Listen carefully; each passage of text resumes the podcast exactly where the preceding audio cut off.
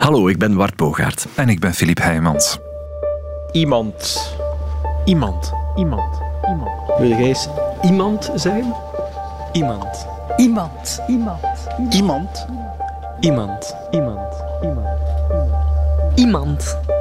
Maar uh, vandaag is iemand er niet bij, dat is Bart Bogaert, want die speelt op verplaatsing op dit moment, maar hij wordt goed vervangen hier. Dag Vere de Vos. Dag Filip. We kennen jou als buitenlandcollega, vooral met China bezig. Maar uh, vandaag gaan we iets meer in jouw privéwereld doordringen. Ja, dat klopt. Want waar woon je, Veerle? Ik durf het bijna niet zeggen, in Molenbeek. In Molenbeek, het ghetto, het gevaarlijkste punt van het land. Jawel, en ik woon daar heel graag, maar wat er allemaal gebeurd is, heeft wel heel diepe wonden geslagen. En heeft heel veel mensen met de vraag opgezadeld: waarom is dat hier kunnen gebeuren? Dragen we ook een deel van de verantwoordelijkheid? Dat jongeren vertrokken naar Syrië en voordien naar Afghanistan of elders uit een soort idealisme, dat wisten we. Dat ze zouden terugkeren als wraakengelen, dat kwam aan als een mokerslag. Hoe kunnen we voorkomen dat dit nog gebeurt? De weken na de aanslagen in Parijs ben ik met een heleboel mensen gaan praten in mijn gemeente. Mensen waar ik voordien amper een paar woorden mee gewisseld had, om een antwoord op die vragen te krijgen. Ah, dag weer, hè? Goedemorgen. Goedemorgen. Kom binnen. En uh, dag Fatiha. Ja, hallo? Ik heb een, een afspraak met uh, Johan. Hey, hallo. Wat doe je met mijn fiets? Wil eens even? Maar één iemand glipte telkens tussen de mazen van het net. Touria Aziz, een oud collega uit Molenbeek, enkele jaren jonger dan ik, van Marokkaanse origine, die al jarenlang met moeilijke jongeren in Brussel werkt. Ik wou haar zeker interviewen toen ik op haar Facebookpagina één lijntje las. Ik denk dat het een bericht was van één zinnetje. Het is een toeval dat ik niet geradicaliseerd ben. Ik herinnerde me plots weer een iconische krantenfoto van meer dan tien jaar geleden, tijdens de rellen in Curegem, dat deel van Anderlecht aan het kanaal op een steenworp van Molenbeek. De migrantenjongeren kwamen avond na avond op straat en staken politiewagens in brand, nadat een drugsdealer uit de wijk, ongewapend, was doodgeschoten door de politie. Il n'y a plus justice. Oui, c'est dommage. Moi, je trouve ça très dommage. Et c'est pour ça que maintenant je dis au peuple, hein, faites bien attention. Il n'y a pas que les jeunes qui tuent, les gendarmes aussi. Op die foto staat Touria met haar vrolijke krullenbol en rood aangelopen wangen vlak voor een rij gewapende politieagenten met schild en helm. En achter zich de opgehitste jongeren. Jongeren die zich toen al misbegrepen voelden en niet geliefd. De rellen in de Anderlechtse wijk Kuregem stelden het migrantenprobleem nog maar eens scherper aan de orde. Enfin, ces jeunes, je crois qu'ils sont mal dans leur peau d'abord. C'est le mal-être, comme on dit, euh, des jeunes. Et, et c'est un peu partout dans les grandes villes. C'est un problème socio-économique. Et, et, et, cette violence, je crois que ça, ça relève un petit peu euh, du fait de dire euh, on n'est pas d'accord, il faut de l'emploi, il faut de, de l'infrastructure, il faut nous aimer quelque part. Je n'ai pas frappé, je Il faut nous aimer quelque part. De foto van Touria, midden in het strijdgewoel, haalde de voorpagina van zowat alle kranten. En toen ik er haar maandag op het werk over aansprak, zei ze me dat ze de Nederlandstalige Rijkswachters had willen duidelijk maken wat de jongeren achter haar eigenlijk wilden. Dat men echt naar hen zou luisteren en rekening zou houden met hun vragen en wat hun noden zijn. En of dat men daarnaar eens eindelijk wil luisteren. Vijf jaar na de rellen in Kuregem, begin 2002, was er heel wat veranderd in haar wijk, maar nog niet genoeg. Jammer genoeg is het moeilijk om ja, zomaar alle problemen of alle moeilijkheden die er de, de, afgelopen 30, 40 jaar eigenlijk zich hebben opgestapeld in deze wijk. Eh, dat is een werk van heel lange adem. Op vlak van onderwijs moet er zeker nog een heleboel veranderen. Ook op vlak van huisvesting en zeker op vlak van tewerkstelling zijn er nog heel veel problemen die overwonnen moeten worden. En nu, na de aanslagen in Parijs en de link met Molenbeek, wou ik van Touria horen wat zij dacht van de gebeurtenissen van de afgelopen maanden. Maar met haar afspreken lukte om de een of andere reden niet. Ze zat tijdelijk in Marokko, waar ze voor een Vlaams bedrijf werkte, en toen ze eindelijk terug was, zat ik weer in het buitenland. Intussen ging ik spreken met een heleboel andere molenbekenaars. Marokkaanse moeders bijvoorbeeld, die getuigden over hun angst voor hun tienerkinderen, over de lokroep van het extremisme. Het idee van dat ze op een, op een bepaald moment iemand gaan leren kennen, dat ze een, een verkeerd ja, beeld gaan geven op een verkeerde pad en zo, ja, dat, ja, ik, ik kan daar niet aan denken eerlijk gezegd. Waar zit je, met wie zit je? Van, ah ja, oké, wie is die vriend? Om te weten van, van waar komen die en zo, van welke ideeën dat ze ook allemaal hebben, dat is toch altijd heel belangrijk. Il y a des gens qui surveillent ces jeunes-là et, et qui profitent de cette faiblesse, de ce moment où dans leur vie, ils sont pas encore très très stables, pour leur faire passer ce message. Écoutez, regardez ce qui se passe. On agresse en Irak, on agresse euh, des musulmans. Vous, on vous a discriminé. Vous avez étudié ici, mais on vous donne pas de travail, rien, parce que vous êtes musulman. Alors, qu'est-ce que vous faites de votre temps De jongeren, denk ik, die hebben het echt het gevoel dat ze geen volwaardig deel uitmaken van deze maatschappij.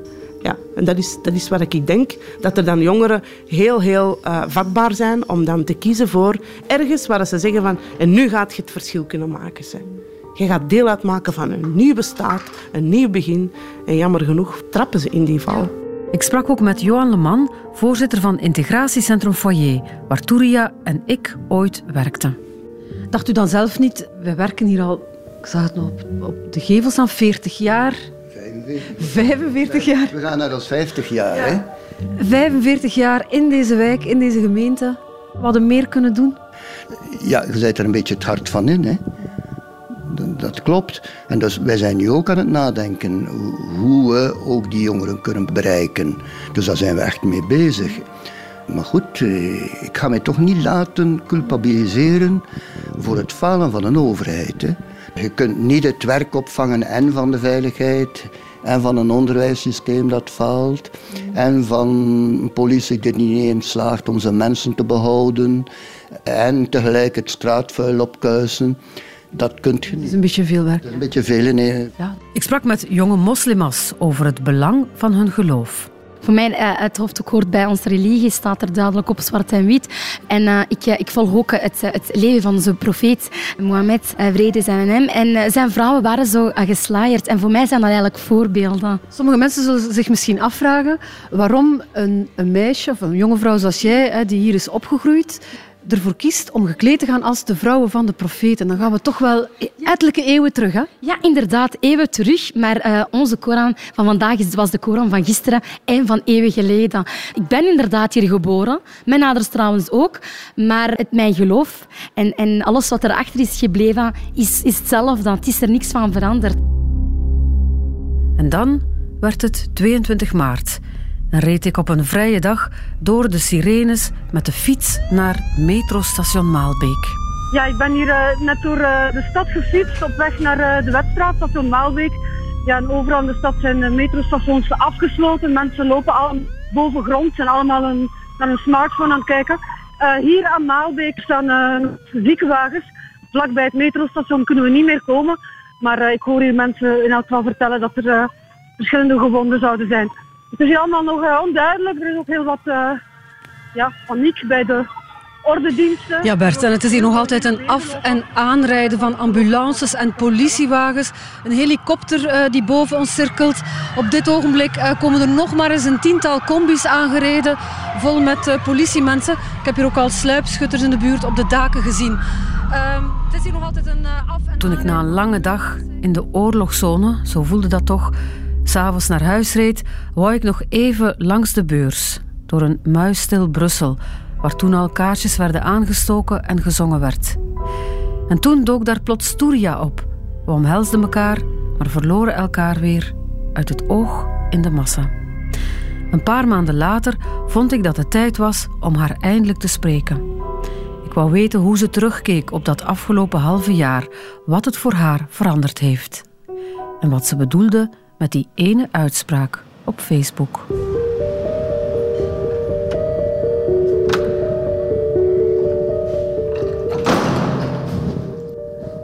Hey, dag Toria. Wat? Oh ja. Het is tussen alweer drie maanden geleden moeilijk voor te stellen. Een mooie zomerse dag. Weet je nog waar je was op 22 maart toen de eerste berichten van die aanslagen binnenkwamen? Herinner je je dat nog? Heel goed. Ik was onderweg naar een overlegmoment met meisjeswerksters in Brussel. En uh, ik uh, kwam er bijna toe toen ik wat berichtjes zag uh, op mijn telefoon. Ik kon het niet goed plaatsen, ik kon het niet geloven. En dan kwam ik daar aan de deur en zat er een collega echt op de grond met haar handen in haar haar. En ja, toen wist ik dat het juist was, wat ik juist had gelezen. En toen, wat is er daar dan ter plekke gebeurd? Wat heb je daar dan gedaan of gedacht? Ik herinner me heel veel verwarring, heel veel ongeloof. Uh, en direct beginnen met uh, ja, te denken en analyses te maken en uh, antwoorden te formuleren om toch, om toch ergens daar te, iets te begrijpen en wat op te krijgen. En je bent met zoveel dingen tegelijk bezig eigenlijk. Ja. Die avond, ik heb zelf heel de dag aan de metro Maalbeek gestaan. En die avond op weg naar huis dacht ik, ik rij nog even langs de beurs. Waar toen al de eerste mensen eigenlijk ja, kaarsjes kwamen aansteken en zo. En ik kwam je daar ook tegen. Waarom was je daar toen op die plek? Ik had die behoefte echt om andere mensen te ontmoeten en te voelen ja, hoe dat mensen ermee omgingen. En ja, ik, uh, ik voelde ook heel veel verdriet. En ja, dat, dat, dat, dat moest er ergens uit en dat moest samen met mensen. Wat vond je van die uitspraak van de minister van Binnenlandse Zaken? Die zei ja, een significant deel van de moslims heeft staan dansen na de aanslagen. Ja, dat is niet... Dat, je weet dat dat vanuit je buikgevoel en vanuit je ervaring weet je gewoon dat dat niet kan. Dat kan gewoon niet. Dat zijn leugens. En er zijn er zo verschillende verteld. Ook het feit dat iedereen dat wist over Salah Abdeslam. Als je Molenbeek een beetje kent, dan weet je dat... Uh, ja, dat als er zoiets was, dat dat geen dag geheim bijna kan blijven. Allee, dus uh, in de cafés en zo, wat er wordt afgepraat, het kan gewoon allemaal niet. Je buikgevoel zegt u gewoon van al die informatie die circuleert, klopt niet. Maar ja, heel veel mensen geloven het en zelfs degene die zo'n beetje twijfelden, als dan zo belangrijke mensen dat zeggen, ja, dan, dan zal dat wel waar zijn. En dat heeft allemaal ertoe bijgedragen dat dat klimaat eigenlijk verrotte meer en meer uh, met de tijd eigenlijk.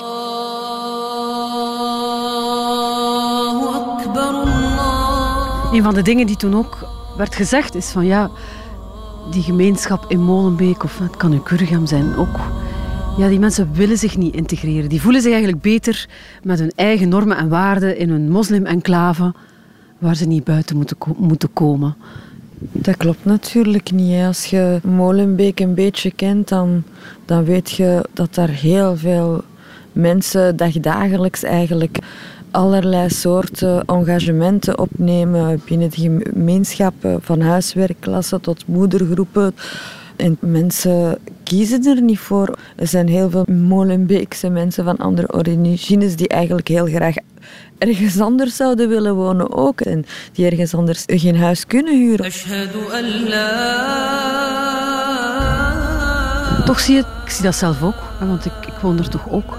Je ziet eigenlijk bij veel jongeren toch een soort reflex om zich meer en meer te gaan terugplooien op de islam. Ik zie hele jonge meisjes die zich volledig gaan bedekken. Je hebt dan jongeren die denken dat ze moeten gaan vechten in, in Syrië voor de islam.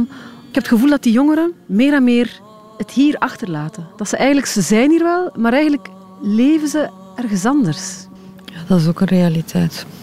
Dat is een proces dat, dat al een, tijdje bezig is. Ik denk, als ik bijvoorbeeld naar mijn eigen ouders kijk, die waren ook veel opener naar de, de samenleving in hun beginfase, dat ze daar hier pas waren gekomen, dan, dan nu bijvoorbeeld. Dat is op een heel andere manier. Die, die gaan, niet, die gaan uh, niet, zots gaan doen of zo, maar het geloof dat zij hadden in het vinden van hun eigen plek hier was in de beginfase natuurlijk helemaal anders. Daar was uh, full employment. Ze waren niet geïsoleerd. En hoe dat, dat is geëvolueerd, hebben zij meer en meer het gevoel gehad dat ze eigenlijk niet van hier zijn en nooit echt helemaal van hier zullen zijn. Ik las op een bepaald moment op jouw Facebookpagina ik denk dat het een bericht was van één zinnetje. Het is een toeval dat ik niet geradicaliseerd ben. Ja, ik heb zelf ook een heel moeilijk traject. Ja, een traject waarin, waarbij dat ik constant heb moeten vechten voor van alles en nog wat. Om, om op school te mogen blijven. Ik ben naar het beroepsonderwijs gestuurd. En het niveau van, van uitsluiting en racisme en beledigingen en vernederingen heb ik uiteindelijk, ben ik thuisgebleven. En daarna uh, heel hard moeten knokken om dan voor de, voor een centrale, voor de middenjury eigenlijk, uh, toch nog dat diploma te behalen. En dan later nog eens hoger onderwijs voor een huis te huren. Voor, voor alles wat ik heb moeten doen, heb ik heel vaak het gevoel gehad dat ik er niet bij hoorde. En, en soms voel ik mij ook heel kwaad tegenover alles. En, en soms ben ik het ook echt beu dat ik mij op elk vlak zo veel harder moet bewijzen dan iedereen. En toch altijd een beetje met het gevoel blijf van... Ja, ik ben toch niet evenwaardig in de ogen van velen. En met die ervaring, als je dat voelt... Ja, sommigen gaan zich dan meer en meer en meer afsluiten. En sommigen worden uiteindelijk uh, gevaarlijk voor de samenleving. Blijft dat nog altijd zo? Je werkt al jaren hier. Ik heb jou ook nog als collega gehad. Blijft dat dat gevoel van ik ben niet evenwaardig of ik, ik, ik ben hier niet helemaal thuis? Zeker. Zeker. Alleen, uh, ja, dat, is, dat, is zo, dat blijft ook heel je leven, dat soort ervaringen. En ook, ja, ook als je naar de media kijkt en zo, de boodschap is constant van je hoort er niet bij, je hoort er niet bij. En ja, dat is iets dat blijft zeker. Boys in the hood. Je suis toujours le même na die aanslagen eigenlijk hoorde je uh, een soort uh, verontwaardiging van bepaalde politici. Die zeiden, ja, ze gaan u toch niet beweren dat het onze schuld is zeker. Dat er jongeren zijn die zo radicaliseren, die onze maatschappij aanvallen. Dat is onze schuld toch niet? Ik voel mij er in ieder geval wel verantwoordelijk, ook voor een stuk. En ik denk dat iedereen in de samenleving ook een stuk verantwoordelijkheid draagt voor iedereen. Dus de politiek ook. Er is toch een bepaald beleid. Er zijn keuzes die gemaakt worden op vlak van onderwijs, op vlak van tewerkstellingen, die toch een impact hebben op mensen. En ja, dus dragen zij zeker wel ook een verantwoordelijkheid in mijn ogen dan toch. Je marche, je marche. Een van de dingen die ook vaak aanhaalt is het kolonialisme mensen gaan denken, ja, wat heeft het kolonialisme nu te maken met radicalisering van jongeren van Marokkaanse origine nu? Wat, wat is de link daartussen?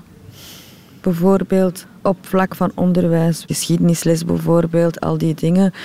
Als je roots hebt ergens anders, dan word je ook op school constant geconfronteerd met het, feit, met het feit dat je niet dezelfde bent, dat je niet dezelfde geschiedenis hebt en dat jij deel uitmaakt van de slechte kant van de geschiedenis, laten we het zo, zeggen, op een of andere manier.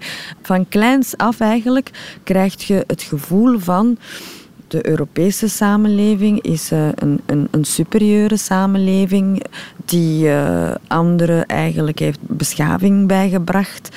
En uw voorvaders dan of zo maken dan deel uit van een inferieure beschaving ja, die, die, die suprematie van alles wat ja, van het Westen is enorm aanwezig in ons hoofd. Veel meer dan we denken. En die is enorm onderdrukkend en uitsluitend voor mensen die van ergens anders zijn. Il faut nous aimer quelque part. Een van de dingen die je, die je voorstelt of die je veranderd zou willen zien, is juist dat onderwijs. Het zijn die geschiedenislessen, maar ook, uh, ook wat voor strijd er zich hier heeft afgespeeld. Daar, daar weten jongeren ook weinig van. Hoe, hoe bepaalde dingen verworven zijn. Ik denk dat de enige manier om elkaar te begrijpen is, is om, om zichzelf te kennen en de ander en de kans te krijgen om de ander te leren kennen in elke, in elke richting. Niet, dat mag geen inrichtingsverkeer zijn. En het feit dat bijvoorbeeld heel veel nieuwkomers of zelfs oudkomers zo weinig weten over bijvoorbeeld ja, de, geschiedenis die zich hier heeft afgespeeld, bijvoorbeeld de Vlaamse strijd, zo, ja, dat speelt onbegrip in de hand. Eigenlijk sluit dat een beetje aan met iets wat ik aan de politici ook wel heb horen vertellen. Van we moeten op school terug lessen democratie gaan geven. Of jongeren uitleggen wat democratie is, wat vrijheid van meningsuiting is. Ik zou het niet helemaal zo zeggen, want op de manier dat het bedoeld is, denk ik, als, als ik het goed heb begrepen vanuit het debat, is het meer zo een soort van terug bijna een beschavingscursus voor degenen die niet beschaafd zijn eigenlijk. Wat ik meer bedoel is in het kader van de gewone lessen minder eurocentristisch informatie geven en, en informatie vanuit allerlei perspectieven laten vertrekken en elkaar laten versterken eigenlijk. We hebben in deze wijk ook rellen gehad in 97 en wij constateren dat al die ingrediënten die toen die ontploffing hebben met zich meegebracht eigenlijk nog altijd in deze wijk aanwezig zijn. Liggen die rellen ver in het verleden of is dat iets wat nog altijd kan, kan gebeuren? Volgens mij is het potentieel nog altijd aanwezig. Dus eigenlijk, als ik het goed begrijp, de fundamentele problemen zijn nog altijd aanwezig? Ja, ja jammer genoeg wel. De rellen in de jaren 90 dat waren de eerste duidelijke... Tekenen van opstand eigenlijk. Tekenen van opstand in ieder geval. En als we na zoveel jaar dat we het eigenlijk al weten, niet kunnen vermijden dat het erger wordt, dan vrees ik eigenlijk het ergste voor de toekomst. Ik heb niet het gevoel dat de mensen die ermee bezig zijn al zoveel jaren lang eigenlijk serieus genomen worden of gehoord worden. Ook de mensen die uh, binnen het, bijvoorbeeld binnen het onderwijs wel ervaring hebben en ideeën hebben en zo, zitten altijd in de marge te ploeteren, al jarenlang. En het is eigenlijk vooral dat dat mij een beetje negatief stemt eigenlijk. Ik denk uh, in plaats van een uh, cursus democratie zou het beter zijn om onze structuren te democratiseren en op elk niveau te gaan bekijken of dat daar vertegenwoordiging is van iedereen die, die eigenlijk betrokken is bij dat project. En dat is, uh, dat is een probleem dat, dat is niet zo bespreekbaar, jammer genoeg. Eh, maar dat zou wel helpen om meer en meer te begrijpen wat de juiste preventieve aanpak zou zijn om te voorkomen dat, dat zo'n dingen nog eens gebeuren. Er moet echt een klik komen in het begrijpen waarom dat we zo schijnen dwars tegenover elkaar te staan. Maar ja, Allee, er is de groep die, de, die wil dat het zo blijft, is misschien te sterk of te groot. Of... Die wil dat er eigenlijk niks, ten gronde niks verandert. Ja, ja. Als we niet bereid zijn om meer te gaan begrijpen en te gaan delen dan gaat dat zeker nog eens opnieuw gebeuren.